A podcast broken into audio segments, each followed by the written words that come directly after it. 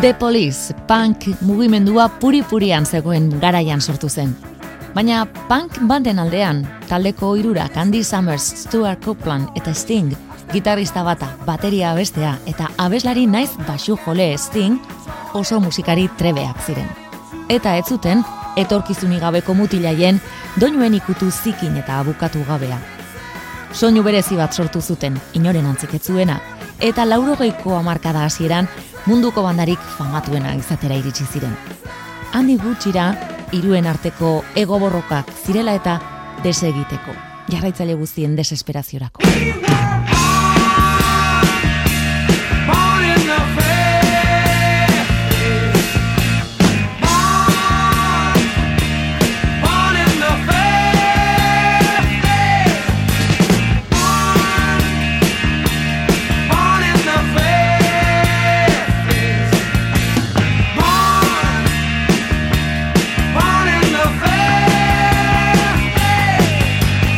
Stuart Copeland, mila behatziun da berrogeita amabian jaio zen, estatu batuetako Virginian, bertan egoitza nagusia duen zia erakundeko sortzaile baten seme. Mundu osoan bueltak aibili ondoren, mila behatziun da irurogeita amaseian, ingalateran harrapatu zuen punk mugimenduaren estandak, Londresen bizizela. Carter izeneko rock sinfoniko banda batean bateria jotzen zuen. Baina punk talde bat sortzeko ideia etzen bat ere txarra. Hiru taldekide bi amplifikadore eta furgoneta bat nahikoa izango ziren, handa hemen kontzertuak emateko.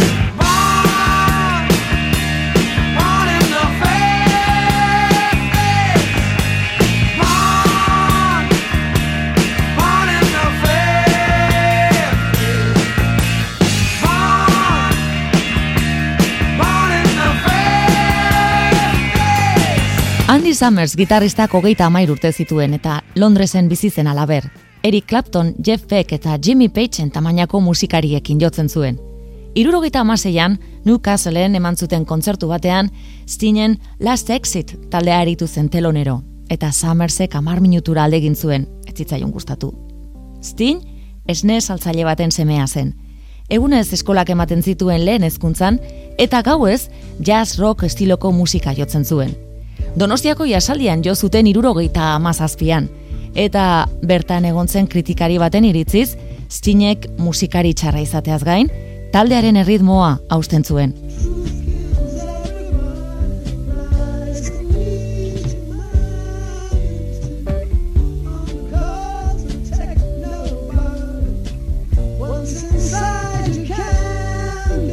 Mila behatziun deirurogeita amasiko azaroan Stuart Coplani Carter taldearekin nukaselen jozuen batean Sting abesten entzutea egokitu zitzaion. Eta zerbait berezia ikusi zion. Telefono zenbakiak eman zizkioten elkarri eta handi gutxira Sting Londresera joan zen bizitzera. Emaztearekin, Frances Tomelty aktoresarekin eta auria jo berri batekin. Garai hartakoa du Sting izengoitia, ez dena, marra hori eta beltzeko jertxe batekin erleago gorarazten zuelako.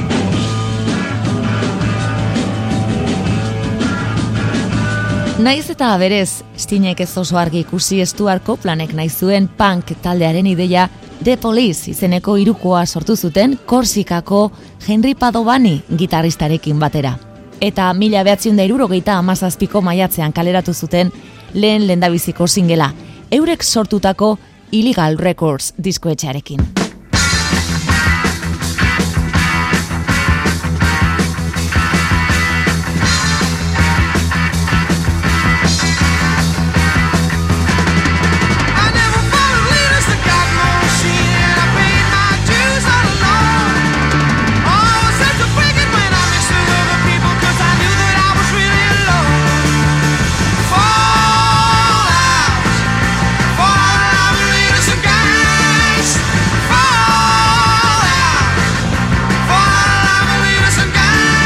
Eunda berrogeita amat liberetakoa izan zen Fallouten aurrekontua eta banan-banan biniloak eskuzazaletan sartzea egokitu zitzaien.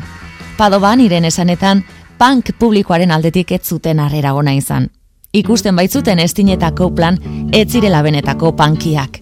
Itxura besterik etzela alegia. Sting eta Stuart Copelandek bitarte horretan demo saio bat eman zuten Mike Howlett musikari eta ekoizlearen zat. Eta Stingek aspaldian idatzitako kanta bat grabatu zuten bertan. I have to tell the story of a thousand rainy days since we first met.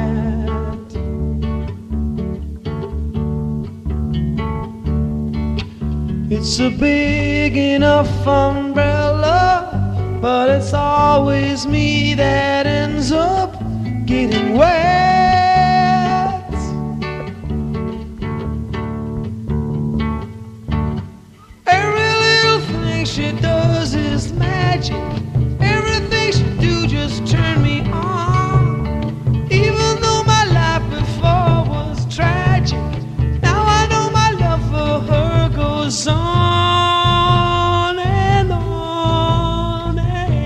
Zai honetan Andy Summers gitarristak lagundu zien eta Stuartko planek ia bandako kide izan aizuen galdetu zion.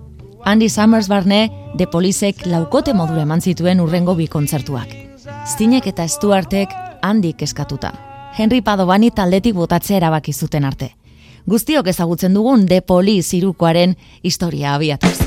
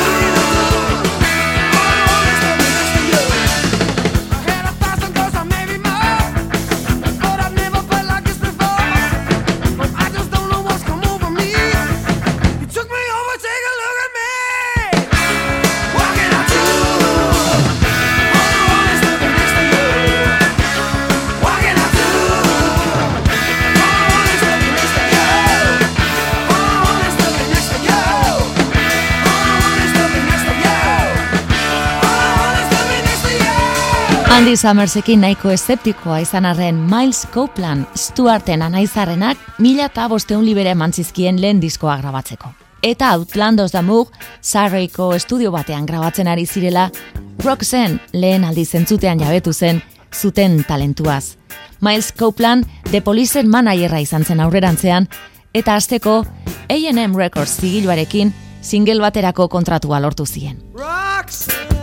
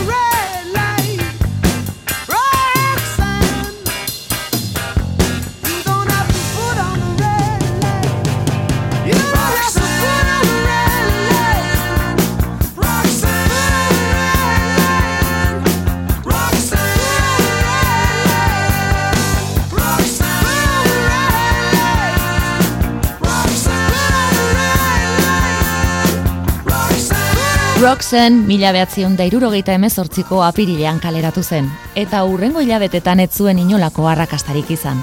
Are gehiago, BBC irratiak zerrendatik kanpo utzi zuen prostituta bat aipatzen zuelako. A&M zigilukoek Bent by the BBC, BBCek zentzuratu zioten posterrak zabaldu zituen arte.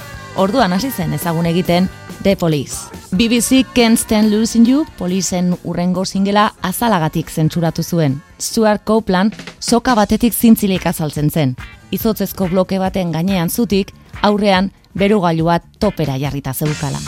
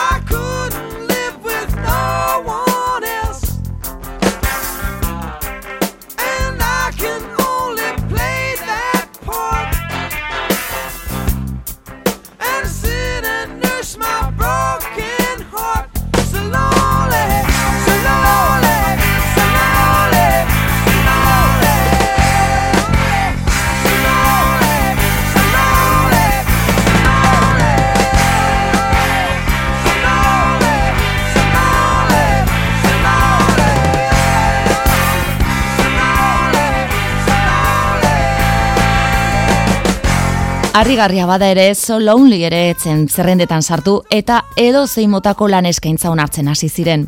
Iragarki bat grabatu zuten adibidez, irurogeita emezortziko otxailean. Eta txikle baten espotonek garrantzi berezia du. Luk aldaketa pixuzkoa ekarri zuelako. Ze askok ez dakitena da, ez zirela hile horiak eta hilea tintatu egin behar izan zutela publizitate kanpaina honetan parte hartu alizateko. atzera bueltarik izan ez zuen itxura aldaketa.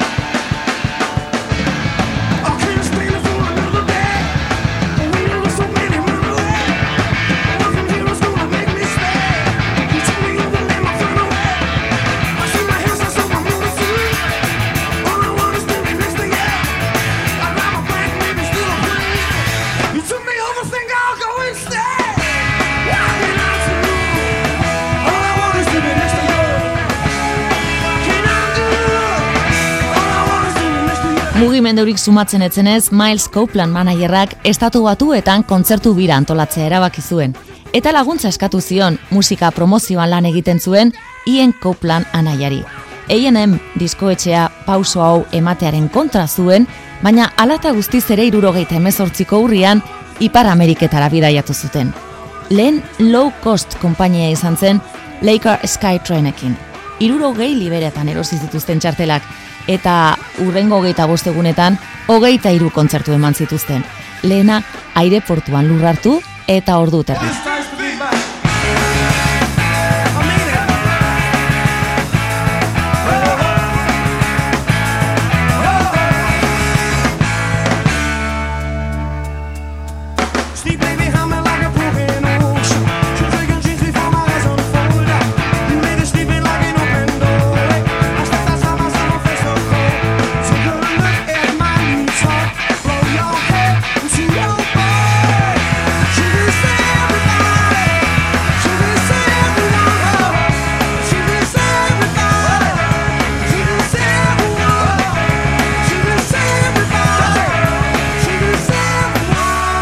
Ameriketatik itzultzerako gauzak aldatzen hasiak ziren. Outlandos damu, izenpean kaleratu berri zuten lehen diskoa gorako bidean ikusten zen, alde bateko eta besteko zerrendetan. Ameriketan esaterako hogeita amargarren postua eskuratu zuten, eta horrez gain, kontzertuetan fan fenomenoa ezagutzen hasi ziren, neska karrasika eta mutilak mutur joka.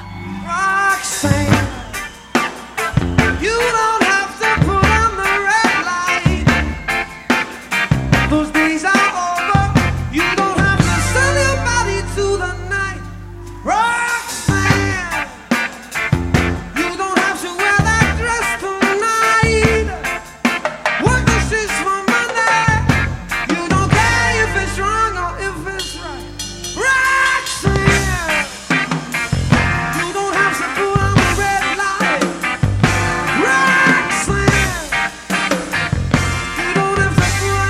Mila behatziun da irurogeita emenetziko otxailean, Roxen estatu batuetan argitaratu eta Billboard single zerrendan hogeita ama bigarren postura. Iritsi zela ikustean, A&M etxeak bigarren aukera emana izan zion erresuma batuan.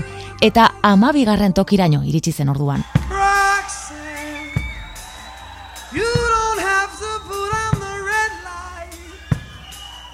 Those days are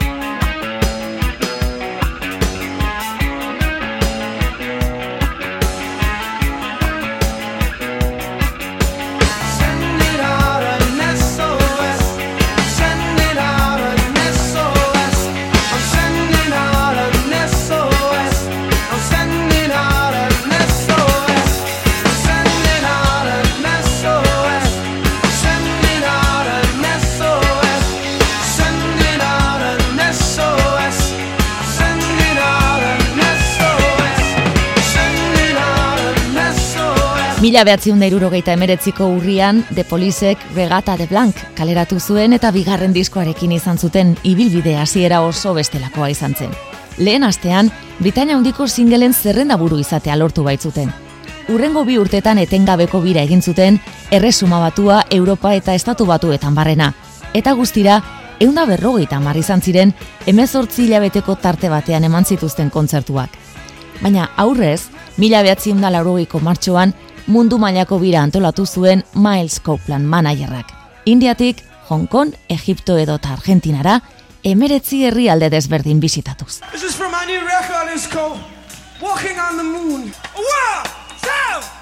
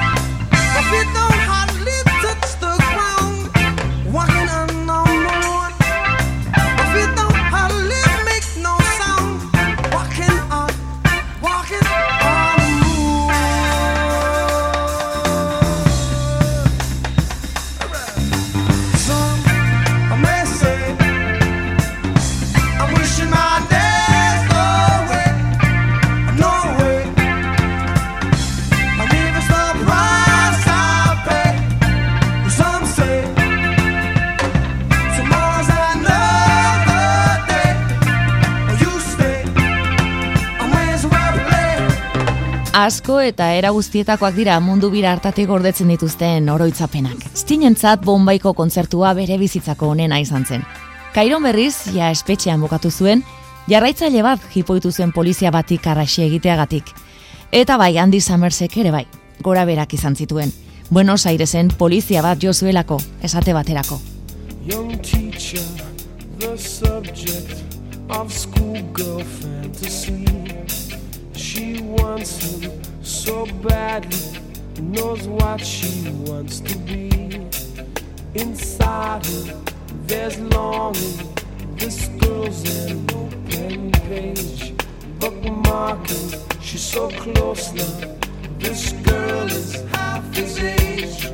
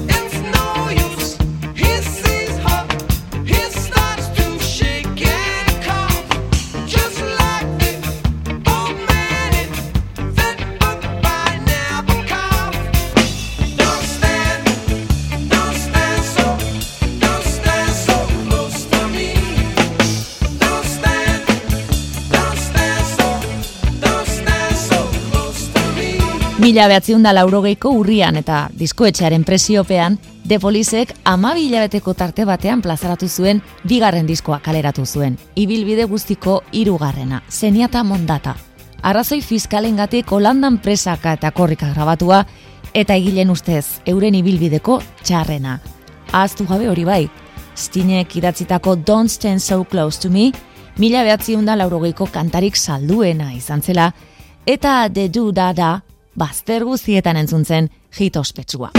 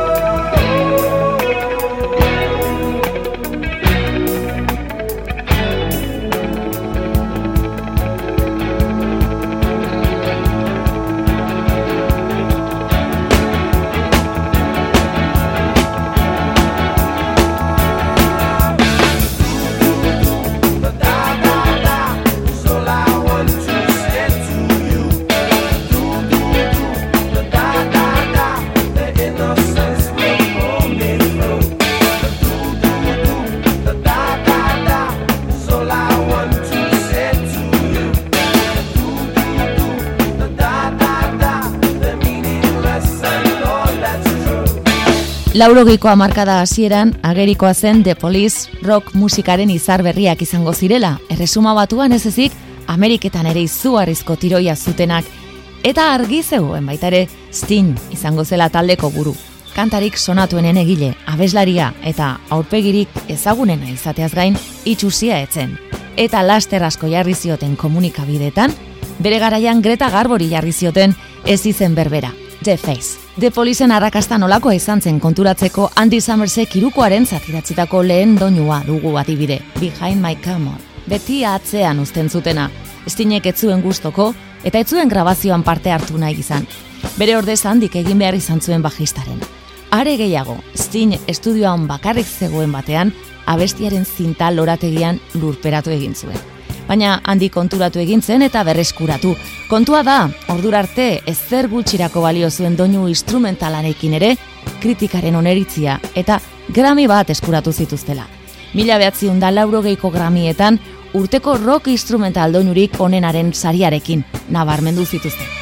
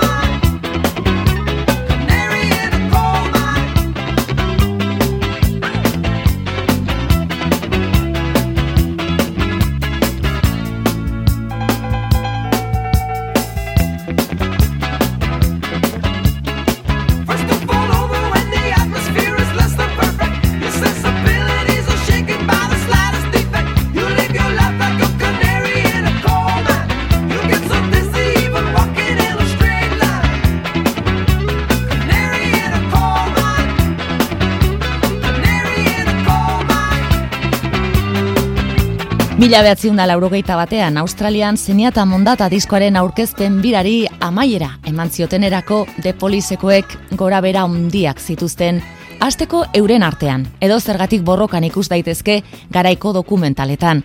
Eta baita bizitza personalean ere, denbora gutxian, hirurak diborziatu egin ziren. Nahiko lan, eta hau dena gutxi balitz, droga kontuak hasi ziren. Stin, kokaina hartzen gerora aitortuko zuenez. Abeslariak berak onartu izan du, adikzioaren ondorioz pertsona zaila bihurtu zela eta bere portaera etzela bat ere egokia izan.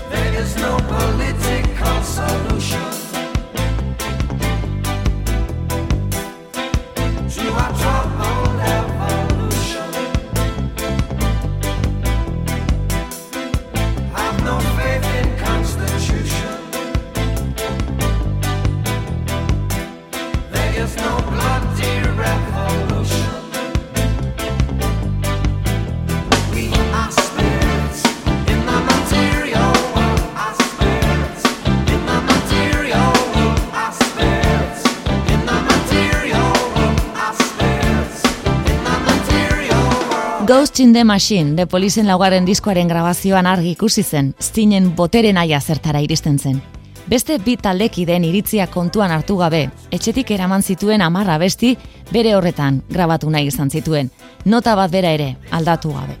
Banaka banaka atzera bota zituen Stuart Zinn Copelandek proposaturiko aldaketa guztiak, eta naiz eta Every Little Thing She Does Is Magic esaterako era guztietara interpretatu zuten, reggae, punk, jazz doinuz, azkar, mantxo jotzen saiatu ziren, alper alperrik izan zen. Azkenean, stinen moldaketa onena zela onartu behar izan zuten, eta hasierako demo ura izan zen, guztiok ezagutzen duguna besti sonatua.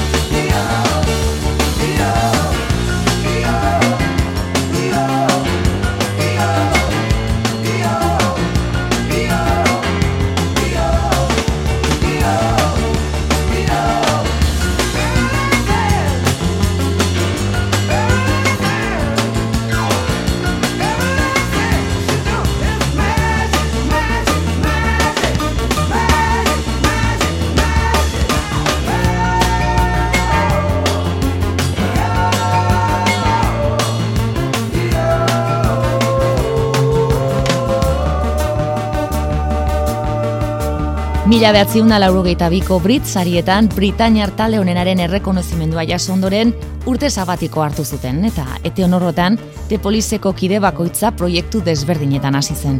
Steen, batetik aktore moduan, kuadrofinia pelikulan hasitako aktore bidea jarraituz eta bakarkako lehen urratsetan. Laurogeita biko udan Brimstone and Trickle filmaren soinu bandan atera zen bere lehen singela Spread and Little Happiness.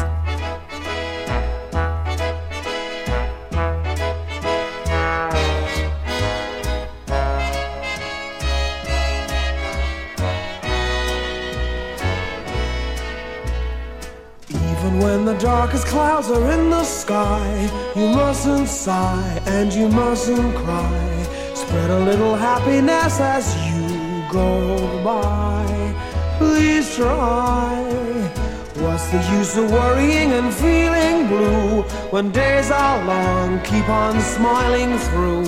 Spread a little happiness till dreams come true. Surely you'll be wise to make the best of every blues day. Don't you realize you'll find next Monday or next Tuesday your golden Tuesday? Even when the darkest clouds are in the sky, you mustn't sigh and you mustn't cry. Spread a little happiness as you go by.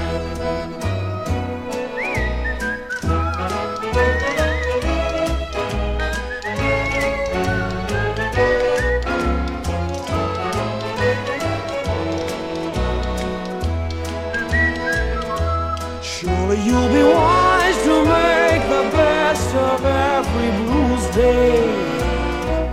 Don't you realize you'll find next Monday or next Tuesday? Endi eta Stuartek ez zuten begionez ikusten Stinen ibilbide berria, baina aldi berean de polizentzat ona zela konturatzen ziren, oihartzunare handiagoa lortuko zutela, eta ez zuten eragozpenik jarri. Baina ordurako euren arteko hartu emana ondoa jotzen hasia zen, eta giro honetan grabatu zuten urrengo diskoa bosgarrena, eta azkena izango zena. Mila behatziun da laurogeita biko abenduan hasi zuten grabaketa, Beatles taldearekin ospetsu egin zen George Martinen Air estudioetan, Karibeko Montserratu artean.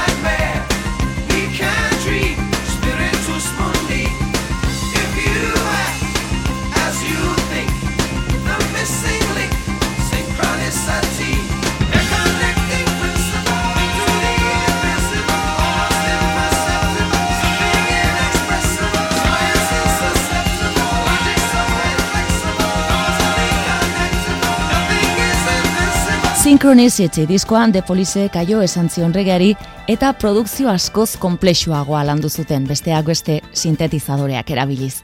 Gainera munduko musiken eragina oso nabarmena da disko osoan, batez ere Chin de Sahara eta Walking in Your Footsteps abestietan.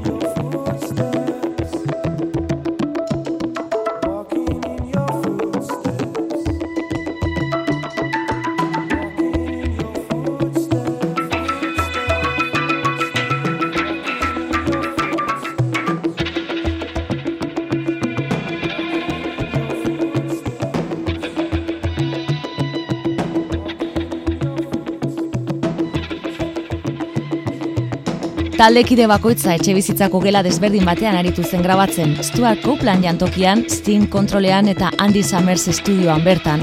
Hugh ekoizlearen esanetan, pixuzko bi arrazoiengatik. Musika tresna bakoitzari soinurik onena ateratzen saiatu zirelako batetik, eta bestetik guztiok imaginatu ditzakegun arrazoi sozialengatik. Sting eta Copeland eskuetara iritsi ziren behin baino gehiagotan, eta manaieraren bitartekaritzagatik izan ezpalitz, diskoaren grabazioa bertan bera utziko zuten. Every Breath You Take arrakastatsuaren oinarrian Steen, Francis bere emaztea eta Francis beraren lagunik onenaren arteko harreman triangelua dago. Steen eta Trudy Styler egungo bere emaztearen arteko amodio istorioak hautsak arrotu zituen, jendea Steenen kontra jarri zen, eta dibortzioa lortu ondoren, edabideen presioaren gatik, ies egiteko karibera aldegin zuenean idatzi zuen The Policen kantarik ospetsuena. Jim Pitney, estatu batuarrak, 60etan idatzitako Every Breath I Take abestian take.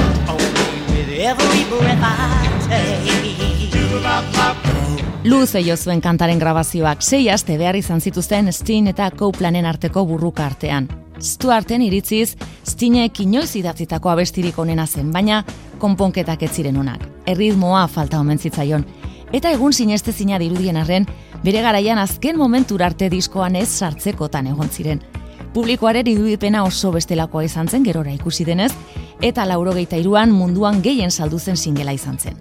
2007an Steen saritua izan zen estatu batuetako irratietan, bederatzi milioi joaldietara iristeagatik. Van Morrisonen Brown Eyed Gelly aurre hartuz bigaren sailkatu zen ura zortzi milioi entzunaldiekin.